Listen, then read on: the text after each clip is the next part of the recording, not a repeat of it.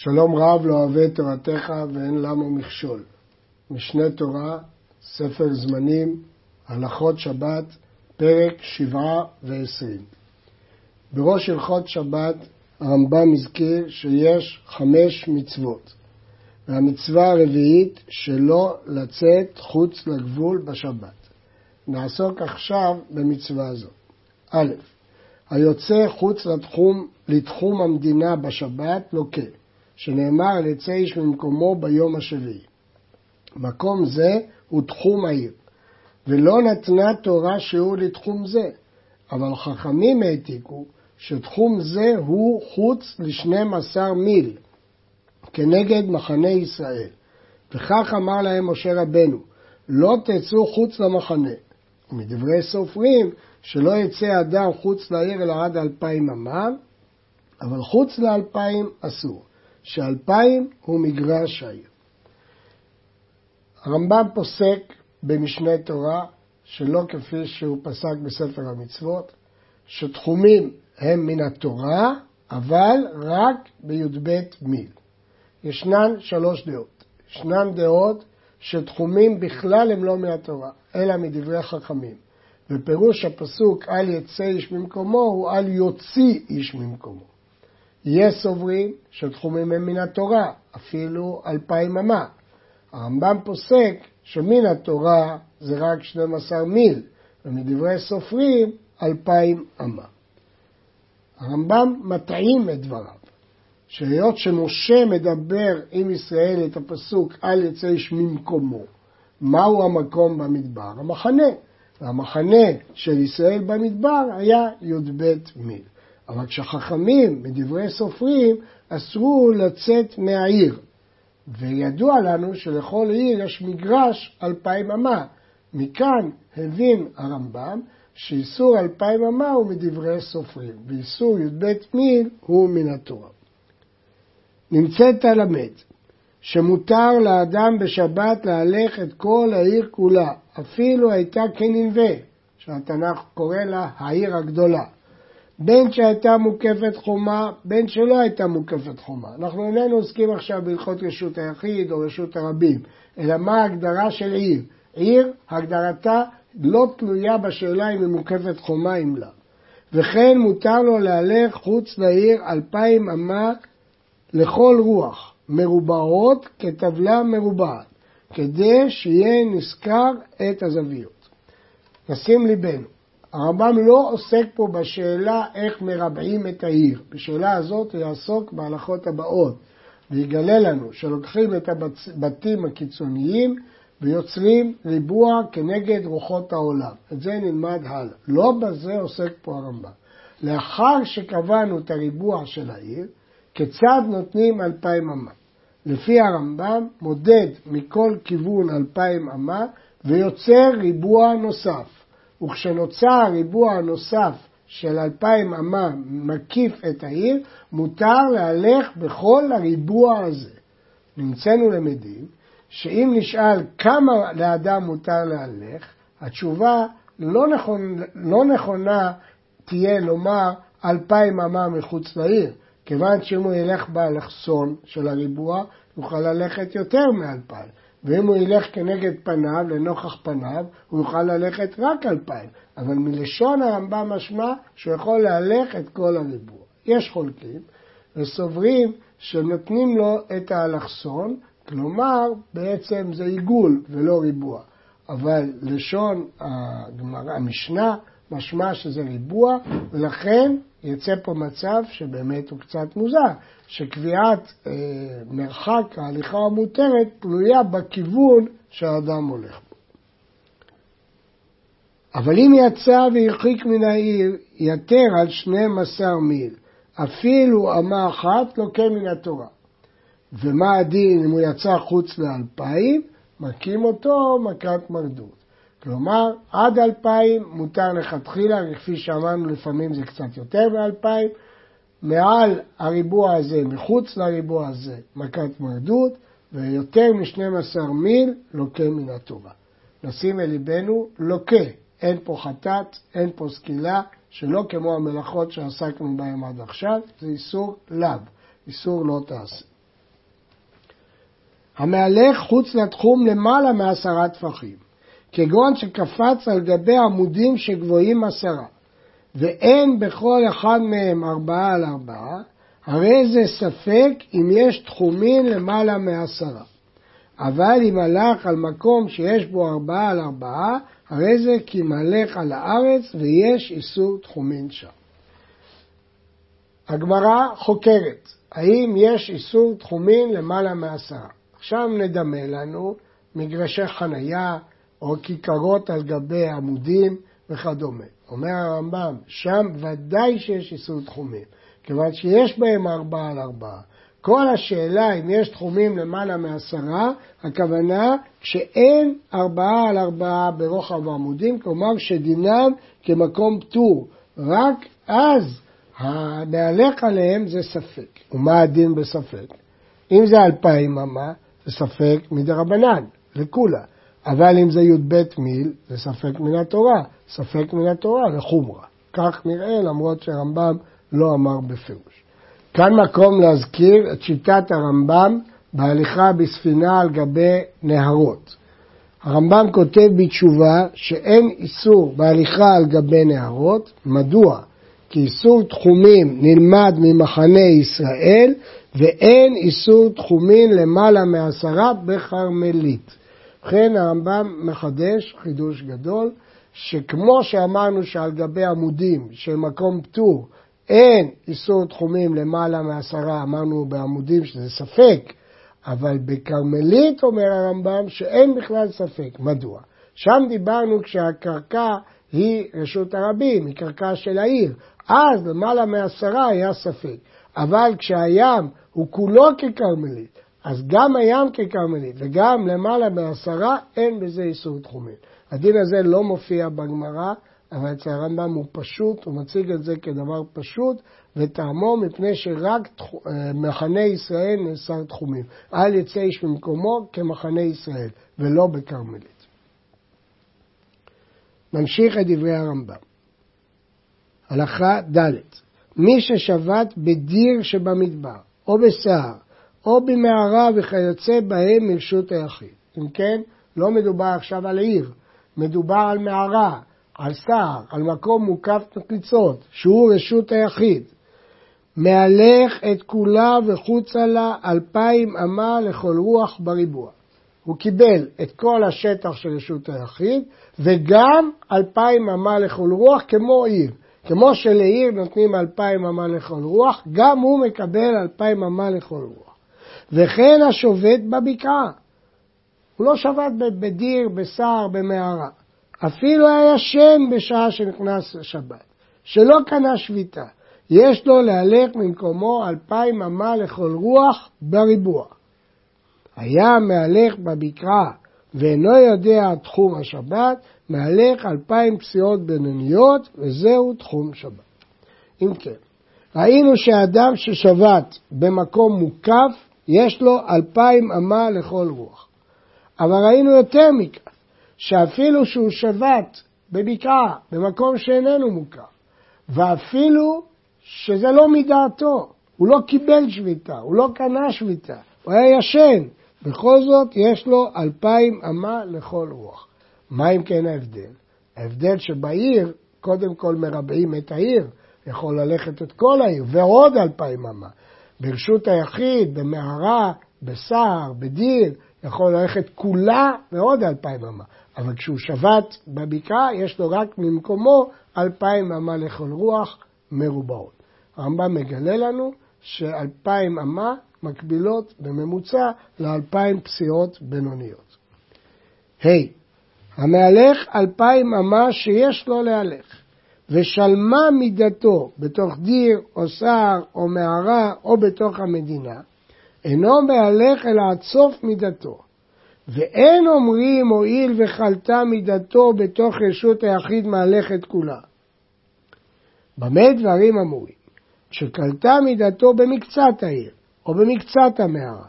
אבל אם הייתה אותה רשות היחיד מובלעת בתוך אלפיים אמה שלו, תחשב לו כל אותה רשות כארבע אמות ומשלימים לו את השאר. נסביר. אדם ילך הרשו לו ללכת אלפיים אמה מחוץ לעיר. הוא ילך את האלפיים אמה. וכשהוא הגיע לסוף האלפיים אמה, הוא נכנס לתוך מערה גדולה.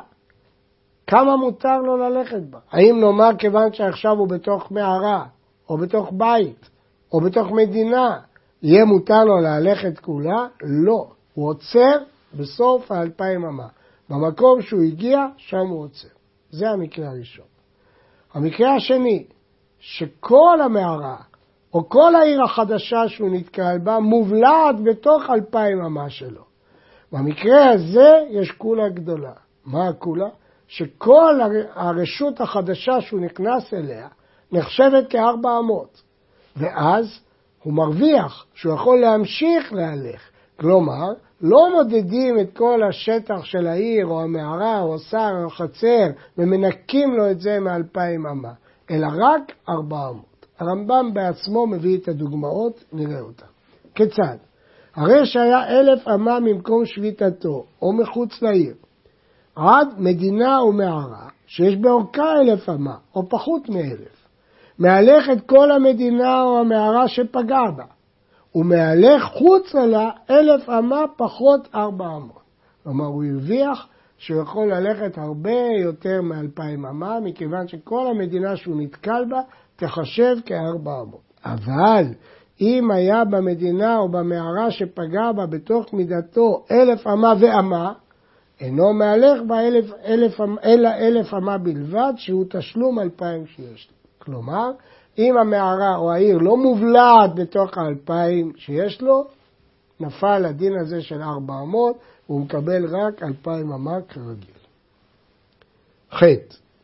מי שקלטה מידתו בחצי העיר, אף על פי שאינו מהלך אלא עד סוף מידתו. אמרנו שאם היא לא הייתה מובלעת, אלא הגיעה לאמצע העיר, הוא עומד, זהו, קלטה מידתו. בכל אופן, מותר לטלטל בכל העיר על ידי זריקה. לכן יש פה חידוש גדול של הפרדה בין דין היציאה מחוץ לתחום לבין דין הטלטול. לגבי היציאה מחוץ לתחום, קלטה מידתו. אבל לגבי זריקה, הוא נמצא בתוך העיר.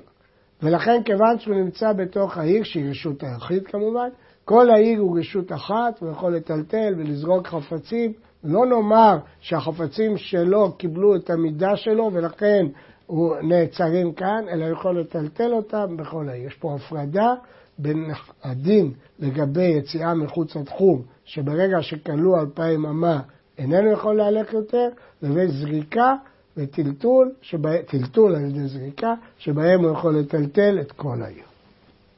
וכן, מי ששבת בבקעה והקיפו גויים מחיצה בשבת. אינו מהלך בה אלא אלפיים אמה לכל רוח, אף על פי שהוא בתוך המחיצה. ומותר לו לטלטל בכל המחיצה על ידי זריקה אם הקיפוה לשם דירה. הוא שבת בבקעה במקום שלא היו מחיצות כלל. באו גויים בשבת והקיפו מחיצות והפכו את השטח למקום מוקף. אם הם הקיפו לדירה, מותר לו לטלטל בכל השטח כי זה רשות היחיד, אבל לגבי יציאה מחוץ לתחום, הוא לא קיבל דין של מי שנמצא בתוך עיר שיכול להלך את כולה, אלא יש לו רק אלפיים אמה לכל רוח, כי כשהוא שבת לא היו שם מחיצות.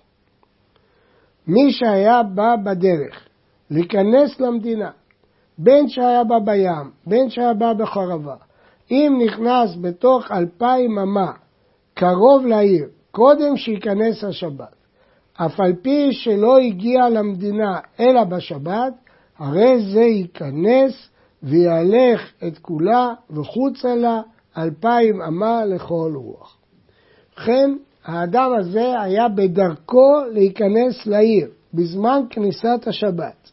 החידוש הוא שאם הוא הגיע לתוך תחום העיר קודם שתיכנס השבת, הוא נחשב כבר כאילו קנה שביתה בעיר, למרות שהוא לא הגיע לעיר.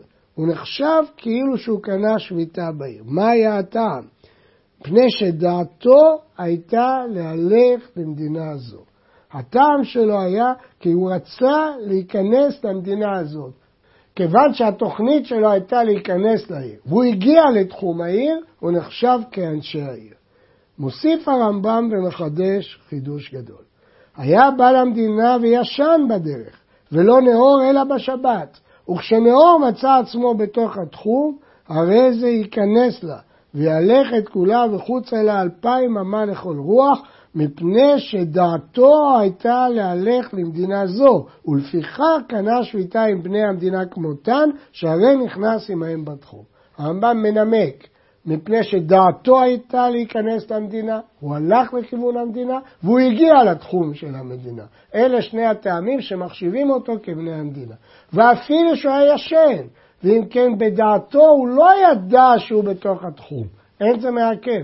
כי התוכנית שלו הייתה ללכת למדינה, ולכן אפילו שהוא לא ידע שהוא בתוך התחום, הוא נחשב לחלק מהמדינה. מעניין שהרמב"ם נקט ישן, כנראה שכך הוא גרס במשנה בעירובין, וזאת גם גרסת רבנו חננאל, מי שישן בדרך. אבל הראב"ד גרס במשנה, מי שישב בדרך. אם כן, לפי הראב"ד, לא גורס ישן, אלא גורס ישב. אבל הרמב"ם לא סובר כך, הרמב"ם סובר שדווקא בישע. ייתכן שהרמב"ם יחלוק על הרעב"ד ויסבור שאם הוא היה ער ולא חשב, לא היה בדעתו להיכנס לעיר, הרי מתבטלת הכוונה שלו. קשה לדעת מדברי הרמב"ם. אבל הרעב"ד הבין שהרמב"ם דווקא רוצה לנקוט אדם ישן, כדי שלא נאמר שאם הוא היה ער ולא התכוון להיכנס, זה עוקר את כוונתו. קשה לדעת מלשון הרמב"ם, כי הרמב"ם מדבר על אדם שהוא הולך לכיוון העיר. זה יצר את כוונתו להיכנס לעיר. ולכן, למרות שברגע הזה הוא ישן, כוונתו הכללית היא להיכנס לעיר. מי שיצא חוץ לתחום, אפילו אמה אחת, לא ייכנס. שארבע אמות שיש לו לאדם, תחילתן ממקום שהוא עומד בו. לפיכך, כיוון שיצא חוץ מתחומו אמה או יתר, ישב במקומו. ואין לו להלך אלא בתוך ארבע אמות מעמידת רגליו ולחוץ. לכן הרמב"ם מדבר על מי שיצא חוץ לתחום, אפילו אמה אחת, יש דעות שונות במשנה, הרמב"ם פוסק את הדעה הזאת, שאפילו אמה אחת לא ייכנס. ולכאורה יש קושייה, הרי כל אדם יש לו ארבע אמות. אם כן, מדוע אה, לא נאמר שלאדם הזה יש ארבע אמות לכל רוח, כולל לתוך העיר? אפשר היה להשיב שאין לו, הוא כבר איבד את הארבע אמות, כי הוא הלך כבר הרבה מעבר, הוא יצא חוץ לתחום אמה אחת. אבל זה לא ייתכן, כי הרמב"ם עצמו אומר שהוא יכול ללכת, ללכת ארבע אמות, אבל מעמידת רגליו ולחוץ. וממה נפשך? אם יש לו ארבע אמות, מדוע הוא לא יכול להיכנס פנימה? הסברה שהרמב"ם אומר, הוא מנמק, תחילתה ממקום שהוא עומד בו. לא ברור כיצד הנימוק הזה מסביר שיש לו רק לחוץ. ההסבר המתקבל על הדעת הוא שכיוון שמגמת פניו הייתה לכיוון אחד, הוא לא יכול עכשיו להחליף את מגמת פניו ולקחת ארבע אמות לכיוון השני, אבל הדבר צריך עיון. וכן מי שהכשיר חוץ לתחום המדינה, אפילו אמה אחת, הרי זה לא ייכנס לה, אלא יהלך ממקום שנכנס עליו השבת והוא עומד בו, אלפיים אמה בלבד. ואם קלטה מידתו במקצת העיר, מהלך עד סוף מידתו, כמו שאמרנו. הייתה רגלו אחת בתוך התחום, ורגלו אחת חוץ לתחום, הרי זה ייכנס. הדין הקודם, כבר אמרנו אותו, שאדם מקבל רק אלפיים אמה עד סוף מידתו, אפילו אם היא באמצע העיר. החידוש היחיד שזה אפילו אמה אחת.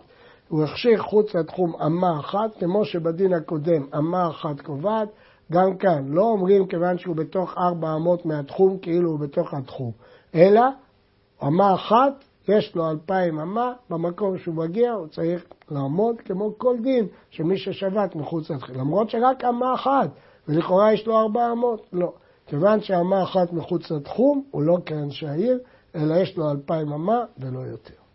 הרמב"ם מוסיף שאם רגלו אחת בתוך התחום, רגלו אחת חוץ לתחום, הרי זה ייכנס, זה כולה. מי שיצא חוץ לתחום שלו לדעתו, כגון שהוציאו גויים, או רוח רעה, או ששגג ויצא, אין לו אלא ארבע אמות. חזר לדעת, אין לו אלא ארבע אמות. החזירו כאילו לא יצא. אם הוציאו גויים או ליסטים או רוח רעה, אין לו אלא ארבע אמות, למרות שהוא יצא שלא ברצון. אבל יש כולה, שאם הם גם החזירו אותו שלא ברצון, הוא חזר למצב הקודם שלו. אבל אם הוא יחזור לדעתו, אין לו אלא ארבע אמות. ואם נתנו ברשות היחיד, כגון שנתנו גויים בדיר ושר ומערה או בעיר אחרת, יש לו להלך את כולה. אמרנו קודם, שאם הוציאו גויים, אין לו אלא ארבע אמות. זה אם הם הוציאו אותו לבקעה. אבל אם הם הוציאו אותו לעיר אחרת או לרשות מוקפת אחרת, יש לו את כל הרשות. וכן אם יצא לאחד מאלו בשגגה ונזכר והוא בתוכן, מהלך את כולה. כמובן שזאת כולה גדולה, כי הוא לא שייך לעיר הזאת, הוא לא תכנן להיות בעיר הזאת, אבל כיוון שזה בשוגג, כיוון שזה שלא לדעתו, הקלו עליו ונתנו לו את כל העיר.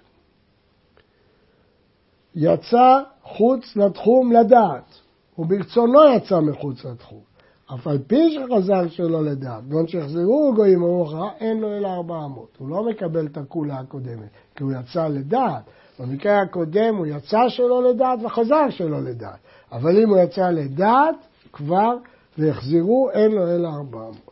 וכן, אם יצא חוץ לתחום לדעת, אף על פי שהוא בתוך רשות היחיד, גאון דיר ושר, אין לו אלא ארבע אמות.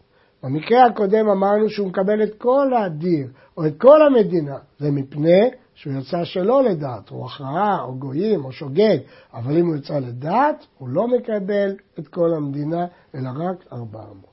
המפרש בים הגדול, מפרש פורש מהיבשה לים, אף על פי שהוא חוץ לתחום ששבת בו, מהלך את כל הספינה כולה ומטלטל בכולה. זה חריג, היינו צריכים לומר שאין לו אלא ארבע אמות. אמרנו כל מי שיצא לדעת, אז אין לו אלא ארבע אמות במקום שהוא הגיע אליו, הוא לא מקבל את כל העיר. בספינה הקלו, ונתנו לו את כל הספינה, זה דין חריג. הוא מטלטל בכולה, זה פשוט, כי זה רשות היחיד, אבל הוא גם יכול להלך את כולה, זה דין מיוחד בספינה. מי שיצא חוץ לתחום שלא לדעת, לא באשמתו, בשוגג, או הוציאו גויים, או רוח רעה, והוקף במחיצה בשבת, יש לו להלך כל אותה המחיצה, והוא שלא תייתר על אלפיים אמה. כלומר, המחיצות הועילו לו, שאין לו רק ארבע אמות, יש לו אלפיים אמה, אבל לא יותר מאלפיים אמה. ואם היה תחום שיצא ממנו, מובלע מקצתו בתוך המחיצה שנעשית שלא לדעתו, הואיל ויש לו להלך את כל המחיצה, הרי זה נכנס לתחומו, כיוון שייכנס הרי הוא כאילו לא יצא. פה זו כולה גדולה. אמרנו שאת המחיצות האלה בנו בשבת, והתרנו לו להלך אלפיים אמה בתוך המחיצות. עכשיו מקלים עוד יותר. שאם השטח שהוקף במחיצות בשבת מובלע בתוך התחום, הרי כבר איתנו הולך את כל המחיצות. ואם איתנו להלך אלפיים אמה בתוך המחיצות, והוא מובלע בתוך השטח שלו, כאילו חזר לתחום שלו. זאת כולה גדולה, בגלל שהוא יצא שלא לדעת. לכן מצרפים פה את המחיצות, אף על פי שהם נעשו בשבת, ומבליעים אותם בתוך המדינה שלו. כל מי שאין לו לזוז ממקומו, אלא בתוך ארבע אמות. אם נצרך לנקביו, הרי זה יוצא, הוא מרחיק ונפנה וחוזר למקומו מפני כבוד הבריות, חכמים הקלו עליו. ואם נכנס למקצת תחום שיצא ממנו בעת שירחיק להיפנות, הוא מנצל את ההיתר הזה, ועכשיו הוא בתוך התחום, הואיל ונכנס, ייכנס. וכאילו לא יצא. והוא, שלא יצא בתחילה לדעת. כל ההיתרים האלה זה מפני שהיציאה הראשונה איננה באשמתו, היא בשוגג או הוציאו גויים או רוח רע. אבל אם יצא לדעת, אף על פי שנכנס כי הוא יצא להיפנות, אין לו אלא ארבע מאות. ממש כמו שלמדנו קודם, ההיתרים האלה הם מיוחדים למי שיצא שלא לדעת. כל מי שיצא ברשות בדין, כגון העדים שבאו להעיד על ראיית הלבנה, שהתרנו להם לצאת מחוץ לתחום. וכיוצא בהם, ממי שמותר לו לצאת לדבר מצווה. המשנה אומרת שאפילו שיש עדים שכבר העידו, אנחנו לא עדים. אנחנו מתירים לכל זוג עדים לבוא וללכת מחוץ לתחום. יש לו אלפיים אמה לכל רוח באותו מקום שהגיע לו. לא כמו הדינים הקודמים שיש לו רק ארבע אמות, נותנים לו אלפיים אמה. ואם הגיע למדינה, הרי הוא כאנשי העיר. ויש לו אלפיים אמה לכל רוח חוץ למדינה. כמובן שזאת כולה גדולה, כיוון שהוא יוצא לדבר מצווה, אז הוא נותנים לו מחדש אלפיים אמה, ואם הוא נכנס לתוך התחום, הוא מקבל את הדין של התחום. היה יוצא ברשות, ואמרו לו, והוא הולך בדרך, כבר נעשה את המצווה שיצאת לעשותה. יש לו ממקומו אלפיים אמה לכל רוח. ואם היה מקצה התחום שיצא ממנו ברשות מובלע בתוך אלפיים שיש לו במקומו, הרי זה חוזר למקומו כאילו לא יצא. למרות שעכשיו לא צריך את ההליכה שלו, המצווה כבר נעשית, אבל כדי לעודד אנשים לצאת לדבר מצווה, סוף סוף הוא יצא לדבר מצווה, נותנים לו אלפיים, ואם האלפיים מובלעים בתחומו, הוא יכול לחזור למקומו. וכל היוצאים להציל נפשות ישראל מיד גויים או מן הנהר או מן המפולת, יש להם אלפיים אמה לכל רוח ממקום שהצילו בו, כי הם יוצאים לדבר מצווה. ואם הייתה יד הגויים תקיפה והיו מפחדים לשבות במקום שהצילו, הרי אלו חוזרים בשבת למקומם ובכלי זינם. נשים לב שכל ההיתר הזה של הרמב"ם, רק אם חוששים לשהות במקומם. משמע מכאן, שאם אין חשש לשהות במקומו, לא מתירים לו לחזור. כלומר, לא אומרים אולי פעם הבאה הוא לא יסכים לצאת, אלא רק אם הוא פוחד להישאר במקומו. רק אז הרמב"ם מתיר אה, לחזור בכלי זנות.